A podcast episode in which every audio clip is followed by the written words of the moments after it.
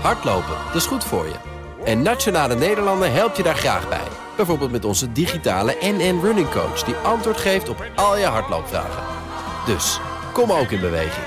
Onze support heb je. Kijk op nn.nl slash hardlopen. De BNR Techniek Tour wordt mede mogelijk gemaakt door Techniek Nederland. De makers van morgen. BNR Nieuwsradio. De BNR Techniek Tour. Thomas Schuurman. Papier, plastic, glas, batterijen. Recyclen hoort er gelukkig inmiddels bij. Ons land is een van de recyclekampioenen van de wereld. Al zijn er met name in het hergebruik van plastic zorgen. Er zijn berekeningen waaruit blijkt dat tot 2050 ons plasticgebruik verdubbelt. Dat betekent nog meer milieudruk. De plastic soep zal een onbeheersbare olievlek worden. Al dat drijvende afval blijft hangen in bepaalde zeestromingen die gyren worden genoemd. Daardoor drijven nu op zeker vijf plekken grote eilanden van plastic afval rond. Deze aflevering van de Techniek Door ziet ramvol met hoopvolle initiatieven, technieken en onderzoeken naar plastic hergebruik. Wat te denken van luiers bijvoorbeeld. Nog nooit lukte het die goed te recyclen. En dat terwijl er jaarlijks 1 miljard van worden weggegooid. Een babyhuidje is gevoelig, vooral de billetjes. Maar er is hoop. Mijn naam is eh, Gerard Vergorkum. Ik ben algemeen directeur bij de afvalenergiecentrale in Nijmegen. Nou ja, er zijn natuurlijk twee soorten luiers. Je hebt babyluiers en die kent iedereen wel eh, uit zijn jonge vaderschap of moederschap. En er zijn natuurlijk ook incontinentieluiers die meer voor senioren zijn. En die, die zien er qua samenstelling en qua inhoud compleet anders uit. Ja, leg het eens uit. Nou ja, je kunt je voorstellen, een babyluier is sowieso een stuk kleiner. Bovendien houdt iedereen er ook rekening mee dat een baby regelmatig verschoond moet worden. Terwijl incontinentiemateriaal vooral natuurlijk ook eh, om draagcomfort gaat, maar ook om eh, dat die langer gebruikt kan worden. Dat je niet steeds opnieuw hoeft te vervangen. De samenstelling die in zo'n luier belandt uiteindelijk ook hetzelfde? Poep en pies? Nou ja, uh, het verschil is natuurlijk wel dat mensen die incontinentiemateriaal hebben vaak van hogere leeftijd zijn. Tenminste, meestal, dat hoeft niet, maar meestal wel. En dan moet je er ook rekening mee houden dat er behoorlijk wat medicijnresten in kunnen zitten. Dus alle medicijnen die mensen slikken komen voor een deel met de ontlasting helaas ook weer naar buiten toe. Dus niet alles wordt door het lichaam verbruikt. Om luiers succesvol te gaan recyclen zal er allereerst begonnen moeten worden die apart in te zamelen. Pas dan kan de techniek beginnen. En die zit in Nijmegen in een afrondende experimentele fase. En eigenlijk is het een soort hoge drukvat waarop wij op heel hoge temperaturen, tussen de 255 en 260 graden, het materiaal verhitten. En als je het materiaal verhit, dan wordt het vloeibaar. En dan komen de kunststoffen eigenlijk vanzelf bovendrijven, letterlijk en figuurlijk. En we doen dat onder een bepaalde druk, in ons geval 44 bar. En als je dat onder een bepaalde tijdspanne doet, dan heb je als voordeel niet alleen dat de, dat de, de slurry, dus de, de, de ontlasting, zich scheidt van letterlijk en figuurlijk van, uh, van de kunststoffen. Maar het bijkomende voordeel is dat alle bacteriën die er in het materiaal aanwezig zijn, gedood worden. En bovendien is het zo dat er nauwelijks nog meer medicijnresten in zitten. Die zijn bijna geheel gekraakt in Dat gebeurt allemaal in dat ene vat? Dat gebeurt allemaal in dat ene vat, ja. En wat gebeurt er daarna? Nou, daarna wordt het materiaal afgezeefd in een, uh, in een fractie die je kunt vergisten, uh, waarmee je biogas kunt opwekken. En dat biogas kun je opwerken naar elektriciteit of aardgaskwaliteit als je zou willen. En de kunststoffen die eruit komen, die zeven we dus af, die kun je gewoon 100% recyclen. Dat is een fantastische samenstelling aan kunststof die heel hoogwaardig is en waar een grote markt voor is. Ja. Jullie zijn pionier. Betekent dat ook dat jullie die hele techniek zelf hebben opgebouwd? Nou, niet helemaal zelf. Uiteindelijk kun je in deze wereld bijna niks alleen. We hebben dat samen met uh, Elzinga Beleidsplanning gedaan... die in Nederland patenthouder is van dit uh, systeem. Maar als ik u vertel dat we daar eerst zes jaar mee bezig zijn geweest... om van laboratorium naar een soort pilotschaal te komen... en het nu uitgerold hebben naar full-scale schaal... dan ben je er ongeveer zes jaar mee bezig door learning by doing om te kijken hoe je dit uh, van kleine schaal op grotere schaal uh, kunt evenaren. En dat is best nog een hele klus. Er is veel belangstelling uit binnen- en buitenland. Te veel, vinden ze in Nijmegen. Daarom mogen we nog even niet met de neus in de poepluiermachine. Hoeveel luiers denkt u eigenlijk hiermee te kunnen recyclen? Nou, wij denken ongeveer dat we op jaarbasis zo'n zo'n uh, zo'n 22.000 ton luiers kunnen recyclen. Wij mengen dat namelijk hier met zuiveringsslip. Dat doen we vooral om de warmte goed te kunnen transporteren. Maar als u weet dat er in Nederland ongeveer al 350.000 ton luiers zijn... is er nog minstens uh, ruimte voor tenminste 10 andere installaties... om alle luiers te kunnen verwerken. Dus nog geen 10% dat hier gerecycled kan worden eventueel. Nee, dat klopt. Maar wij denken er ook bij om dit materiaal zo dicht mogelijk van onze installatie te betrekken. Wij willen dus niet leiders uit heel Europa of uit Nederland hier naartoe halen. We zeggen eigenlijk, dit zou een regionale oplossing moeten zijn. Zodat ook de logistieke kosten, maar ook de logistiek, de milieubelasting. Hè, want transport, daar uh, imiteren je ook allerlei uh, emissies mee. Dat is wat je niet wil. Die willen dat eigenlijk lokaal verwerken. Dus we zoeken een oplossing eigenlijk voor deze regio. Zij Gerard van Gorkum van de afvalenergiecentrale in Nijmegen. Gaan we naar de Vanellenfabriek in Rotterdam, dat op de werelderfgoed van UNESCO staat. Het was een genot om s ochtends bij de fabriek aan te komen... en het vroege zonlicht weer kaats te zien op het glas. Het moest in 1930 de ideale fabriek worden. Functioneel, mooi en open. Geen donkere hallen, maar veel daglicht om in te werken. Mijn naam is eh, Henk Klip en ik ben van uh, Speak Greenfox. In de fabriek zijn duizenden lampen in een modern ledjasje gestoken... door de bestaande armaturen om te bouwen. Daarmee wordt ruim de helft energie bespaard. Nou, dus eigenlijk is dat een lichtbak. Hè. Je bent, vroeger eh, sprak men over een TL-balk. Het is eigenlijk uh, het ding waar de TL-buis in zit. Kan het dan zomaar in een oorspronkelijke bak? Meestal wel. We komen ook wel eens op, uh, op projecten waar het niet uh, zo makkelijk gaat. Maar 90% van de gevallen is het appeltje eitje eigenlijk. Ja, en dan zien we dus al die lichtbakken hier. We staan hier op een afdeling waar druk gewerkt wordt. Want het is ook een kantoorruimte hè, voor allemaal ZZP'ers, kleine kantoortjes, bedrijfjes, et cetera. En ik zie er hier al behoorlijk wat. Om hoeveel van die lampen gaat het? Hier bij de Vanellenfabriek gaat het om het gebouw waar we nu zijn. Rond de 1500 armaturen. Uh, we zijn bezig uh, met eigenlijk het aanbieden van alle gebouwen hier. En dan praat je over een factor 10 keer zo hoog. Dus dan praten we over 15.000 armaturen. Kun je me uitleggen, wat doe je nou precies dan? Wat we doen is, uh, is heel zichtelijk het armatuur openmaken. het oude motortje of de driver, hoe het noemen wil, dat wordt eruit gehaald. er wordt een nieuwe driver in geplaatst. Er wordt een nieuwe lichtbron geplaatst. En dan sluiten we de boel weer. En zodoende hou je de, de oude look, die blijft gehandhaafd. Terwijl er een nieuwe lichtbron in zit, die een factor drie keer zo zuinig is. Nou heb ik thuis in mijn badkamer ook een ledstripje bij, bij het bad. Gewoon voor de sfeer, hè. Vindt er leuk uitzien. Maar dat is een ledstrip, hè. Ik bedoel, uh, je kunt daar niet zomaar een stripje in plaatsen, toch? Nee. Nou is het, dit in principe ook een ledstrip. Alleen, hij is zodanig gemonteerd, op een aluminium drager eigenlijk... Zodat er voldoende koeling aanwezig is. Want een ledje en warmte, dat zijn geen vrienden. Doordat het tegen een aluminium strip aangeplakt is... kan de hete lucht ontsnappen. Waardoor de ledjes niet warm worden, dan gaat het 40, en bij die temperatuur gaan ze echt heel lang mee. En dan moet je denken aan uh, meer dan 100.000 uren. Op deze manier hebben jullie dus al die bakken eigenlijk niet hoeven te vervangen. Hebben we dus op deze manier de, de boel circulair gehouden. Dat klopt, ja. En zo blijf je niet alleen uh, goed bezig met het milieu... maar ook uh, vrienden met de architect, zou ik maar zeggen. Want ja, je moet er ook niet aan denken dat hier moderne armaturen komen te hangen. Waarom niet? Kan nou, ook? Ja, dat klopt. Maar, uh, het is een grote ingreep geweest. ja, dat klopt. Ja. ja. Maar het is uh, een werelderfgoedgebouw en, uh, en heel veel mensen en, ja, die willen alles houden zoals het is. En met deze methode kan dat. En we zijn ook op de TU in, in Delft bezig. Daar hebben we hetzelfde verhaal. we overleggen heel veel met de architect daar. En daar hebben we eigenlijk nog nooit nee gehoord. Dus, de hele campus worden daar de lampen ook vervangen? Ja, ja de hele campus wordt omgebouwd. Hetzelfde principe, gewoon alleen een LED-lamp erin hangen ja. met een driver, zoals u het noemt. Ja. Maar de armatuur, de kast, wordt behouden? Ja, de kast. Zo, ja, de kast. De, dus we plaatsen dus een nieuwe driver, een nieuwe lamp erin. En uh, dan wordt een meting ge, uh, gedaan. Ja, na een half uurtje werk is het weer gebeurd. Vol armatuur. En zat UNESCO nu de hele tijd op de vingers te kijken? Uh, ik ben er zelf niet bij geweest, maar ik weet wel dat ze het gecontroleerd hebben en goedgekeurd hebben. Ja, maar nou, als ik naar de lamp kijk, dan zie ik gewoon een lampengloed. Maar had er net zo goed uh, uh, groen of blauw of rood in kunnen zitten? Ja, maar deze kleur, het is kleur 2700, die is echt voorschreven. Dus zeg die, maar niks, 2700. nou ja, dat is deze kleur. Okay, dus Kaarslicht, kaarslichtkleur, zou ik maar okay. zeggen. Dus die is door de opdrachtgever voorgeschreven. Dus als je dan met een andere kleur aan komt zetten, dan, dan zie je dat. En dan, dan had die zo mooi uitgezien. En had u dat in huis, die kleur? Nee. Nee? Nee, nee, nee, dat hebben we echt moeten maken. Oh, dus ja. ook daar zat nog veel ontwikkeling in? Ja, we hebben in uh, overleg met Samsung, dat is de ledfabrikant... waar de ledjes vandaan komen, de, licht, de lichtpuntjes vandaan komen. Uh, want het is ook nog heel veel aan het ledje zelf vast. Dat is allemaal heel technisch. Maar uiteindelijk zijn deze ledjes voor de fabriek zelf gebouwd. Vanwege die kleur? Vanwege die kleur, ja. Een hele bijzondere kleur. Dank Henk Klip van Speak Green Fox over hoe de Vanellenfabriek in Rotterdam dus nieuwe ledlampjes kreeg met behoud van duizenden armaturen. Bij TNO in Delft doen ze al jaren onderzoek naar chemisch recyclen van plastics. Elk ton plastic die je in de keten houdt bespaart 4 ton CO2-emissie. Het scheiden van alle materialen van ingezameld plastic is nog niet zo makkelijk, zegt Rob de Ruiter in het lab. Nu zien wij hier een eh, karretje eh, voor ons. Daarop zie ik plasticje en dat herken ik wel van als ik naar eh, de bloemenwinkel ga. Dan krijg je altijd zo'n zakje mee hè, met, met, met voeding voor de plantjes en de bloemetjes.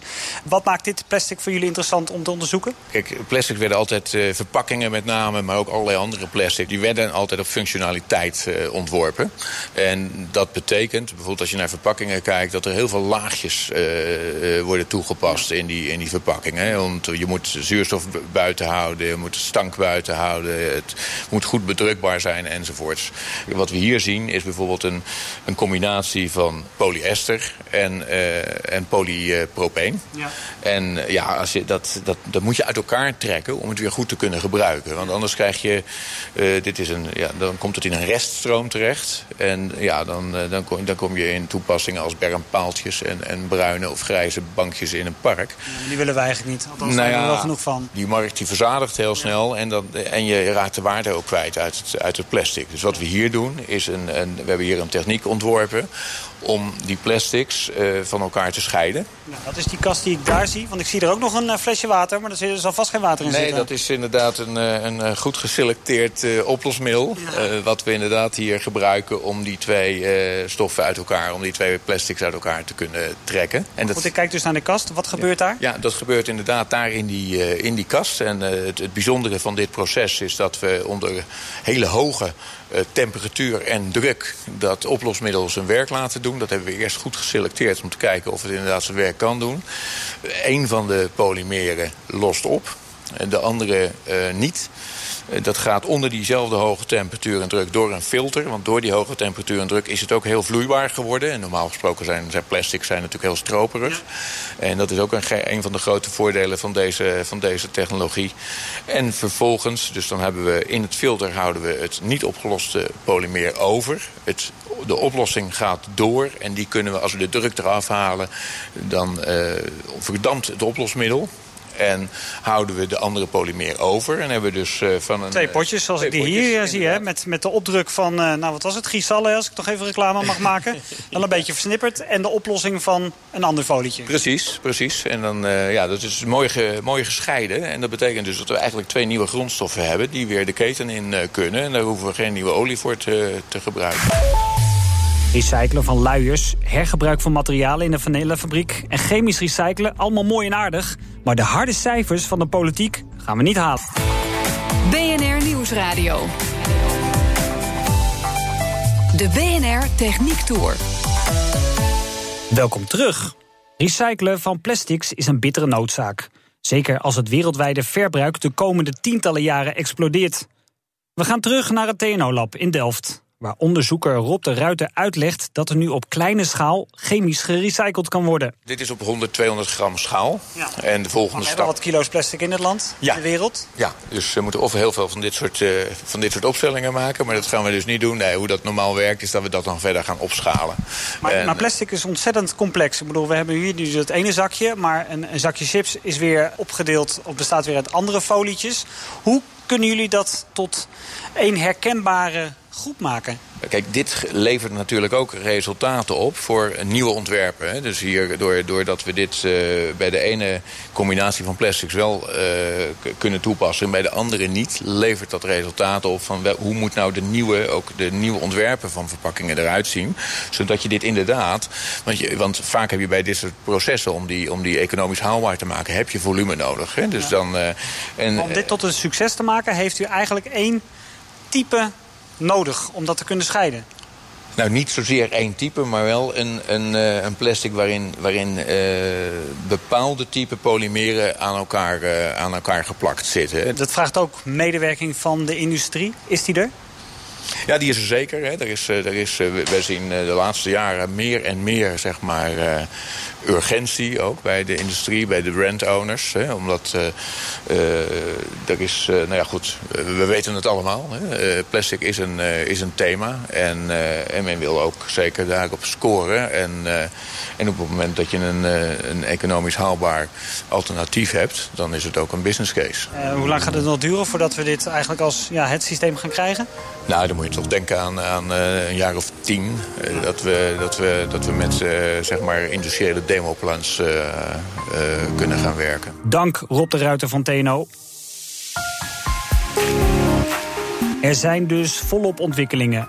Maar dat betekent niet dat in 2025 alle ruim 800 kiloton plastic verpakkingen en producten in ons land worden gerecycled. En dat is wel de politieke doelstelling. Mijn naam is Ulvaart Tode van Velzen. Ik ben senior onderzoeker verpakking en recycling in Wageningen Universiteit en Resource. Ja, en dat was ook een mooi woord voor, hè? materiaaltechnoloog heb ik gelezen. Wat is het precies? Ja, ik uh, kijk wat er in gescheiden ingezamelde stromen zit, uh, wat je daarmee kan doen, uh, hoe je daar de gewenste materialen uit kan halen en welke kwaliteit, welke samenstelling die materialen hebben. Lijkt me een wereld waarin veel gebeurt. Heel veel gebeurt, dat klopt. Ja. heel dynamisch. wetgeving, branden, van alles. Ja. Uh, doen we het een beetje goed in Nederland, recyclen? Uh, Nederland samen met Duitsland, België, Oostenrijk, Zwitserland... Uh, doen het heel erg goed in de wereld. misschien nog te noemen Singapore en Taiwan en Japan. Dan heb je het gehad. Ehm, de rest van de wereld doet heel weinig. Zelfs al in Europa, dat, dat baart natuurlijk ons zorgen. die scheidslijn ligt dwars door Frankrijk heen en aan de Duits-Poolse grens. heel duidelijk. En daaronder, daar gebeurt eigenlijk niks? Nou, nou, ook Engeland bijvoorbeeld, die heeft nog niet een sluitend afvalbeheersysteem, zoals we dat netjes noemen. Dus daar wordt nog gestort en daar wordt nog niet alles gerecycled. Ja, en storten is echt de, de absolute hel voor u?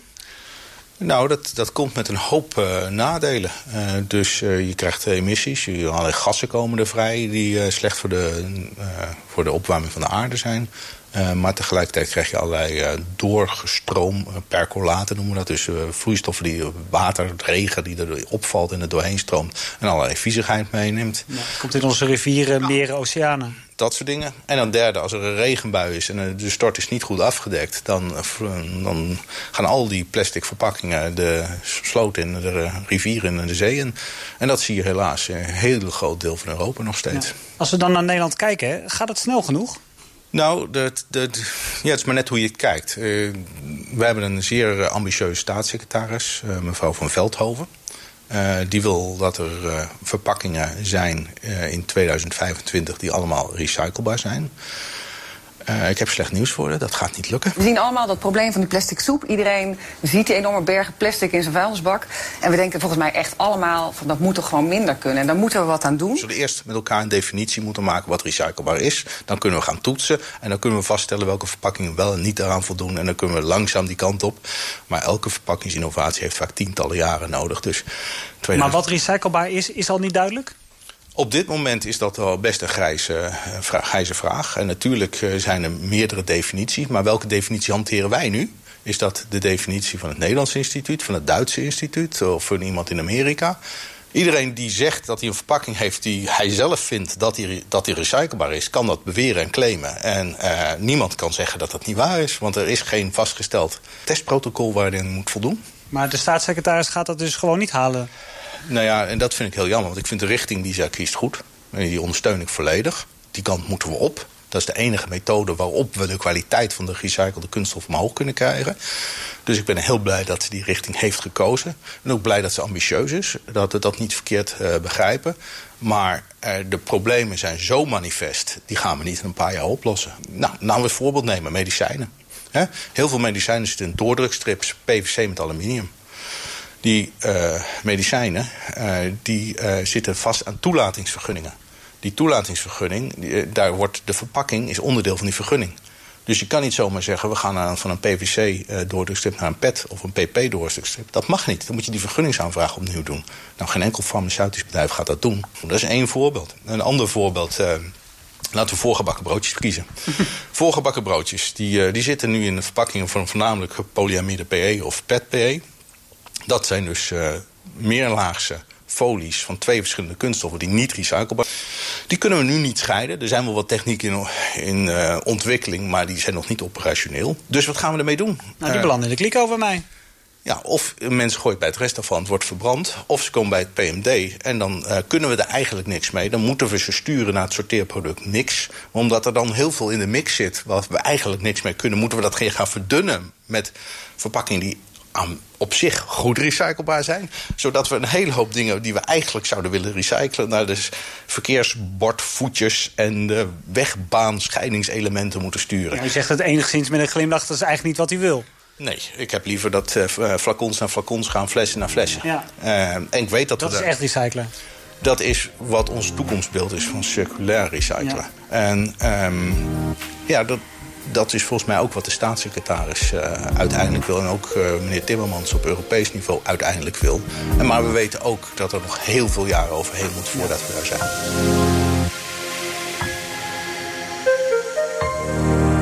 Kan de technologie het een beetje bijbenen? Um, er is heel veel technologie beschikbaar. Uh, wat veel meer een uh, probleem is, is op dit moment de beschikbaarheid uh, van machinebouwers. Dus we hebben 1 januari 2018 is de Chinese grens dichtgegaan. Ja, konden we niet meer dumpen. We konden geen Europees en Amerikaans kunststofverpakkingsafval meer laten verwerken in China. Dat gebeurde vanuit Nederland eigenlijk voor alleen voor het bedrijfsmatige kunststofverpakkingsafval.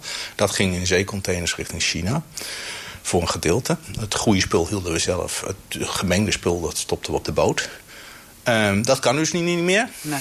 En dat betekent dat helaas uh, heel veel bootjes rondvaren in de Chinese zee... op weg naar of naar Maleisië, Filipijnen of andere plekken... waar ze hopen dat ze niet zo kritisch zijn. Maar dat moeten we natuurlijk eigenlijk helemaal niet willen. Nee, het gevolg is dat er in Europa gewoon een soort herstart wordt gemaakt. Maar de vraag is of ze dat kunnen bijhouden.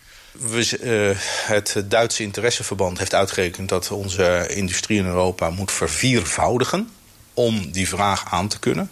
De recyclingsindustrie. De sorteer- en de recyclingbedrijven ja. moeten verviervoudigen... Zo. om al het Europese kunststofverpakkingsafval te verwerken.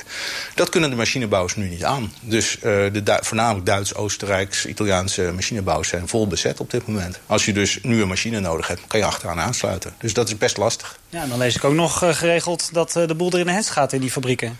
Ja, dat is helemaal vervelend. Want uh, stel je voor, je hebt een goed draaiende plant... en uh, één machine gaat in de hands omdat er iemand een gascilinder... of een lithiumbatterij of wat dan ook ertussen had zitten. Wat natuurlijk afval, ja, blijft afval, dus van alles zit ertussen. Dan kan het dus soms maanden duren... voor je die uh, nieuw bestelde machine terug hebt... en weer installatie weer kan draaien. Ja. En dat is de, helaas de, de huidige praktijk. Ongeveer een derde van de kunststofmaterialen, als ik het goed zeg... Uh, is eigenlijk helemaal niet recyclebaar. Wat, wat gebeurt daar eigenlijk mee? Nou, een deel uh, herkennen we überhaupt niet, omdat ze zwart gekleurd zijn. Dus die zien de optische uh, scheidingsapparaten niet. Dat moeten we even uitleggen. Nou, je hebt de eerste inzameling, dan gaat naar een sorteerbedrijf. In het ja. sorteerbedrijf heb je een aantal zeven en schutmachines... maar je hebt ook een aantal optische scheidingsmachines. Die kijken met een lichtbalk op de snel voorbij flitsende rubberen uh, opvoerband. Die gaat echt met iets van 10 meter per seconde voorbij. Ja. Daar ligt een verpakking op. Uh, die lichtbalk schijnt erop. En als er uh, licht weerkaatst wordt in de lichtsensor... dan weet hij of er een verpakking langs komt. Als het zwart is, ziet hij niks. Omdat de loopband zwart is? Ja. Ja. Natuurlijk zijn er een aantal sorteerbedrijven. Zwarte shampooflessen moet ik niet kopen eigenlijk? Nee, liever niet. Uh, natuurlijk zijn er een aantal sorteerbedrijven die hebben erop geïnvesteerd en hebben een ander apparaat gekocht. Waardoor die zwarte verpakking niet meer in de sorteerrest komt, maar in de mix. Maar ja, dan zitten we dus verkeerd bordvoetjes te maken. En dat vind ik nou op de lange termijn niet circulair. voor dit moment, voor deze komende tien jaar, is dat misschien een prima tussenoplossing. Maar als we echt naar een circulaire wereld willen... waar de shampoofles weer een shampoofles wordt en een petfles een petfles... is dit niet wat we moeten beogen. Nee, we hebben echt technologie nodig. Uh, en we moeten ook onze, uh, onze burgers uh, uitleggen hoe ingewikkeld eigenlijk het systeem is dat we nu hebben. De kunststofverpakkingen waar we nu mee bezig zijn om die te recyclen, dat is al best ingewikkeld.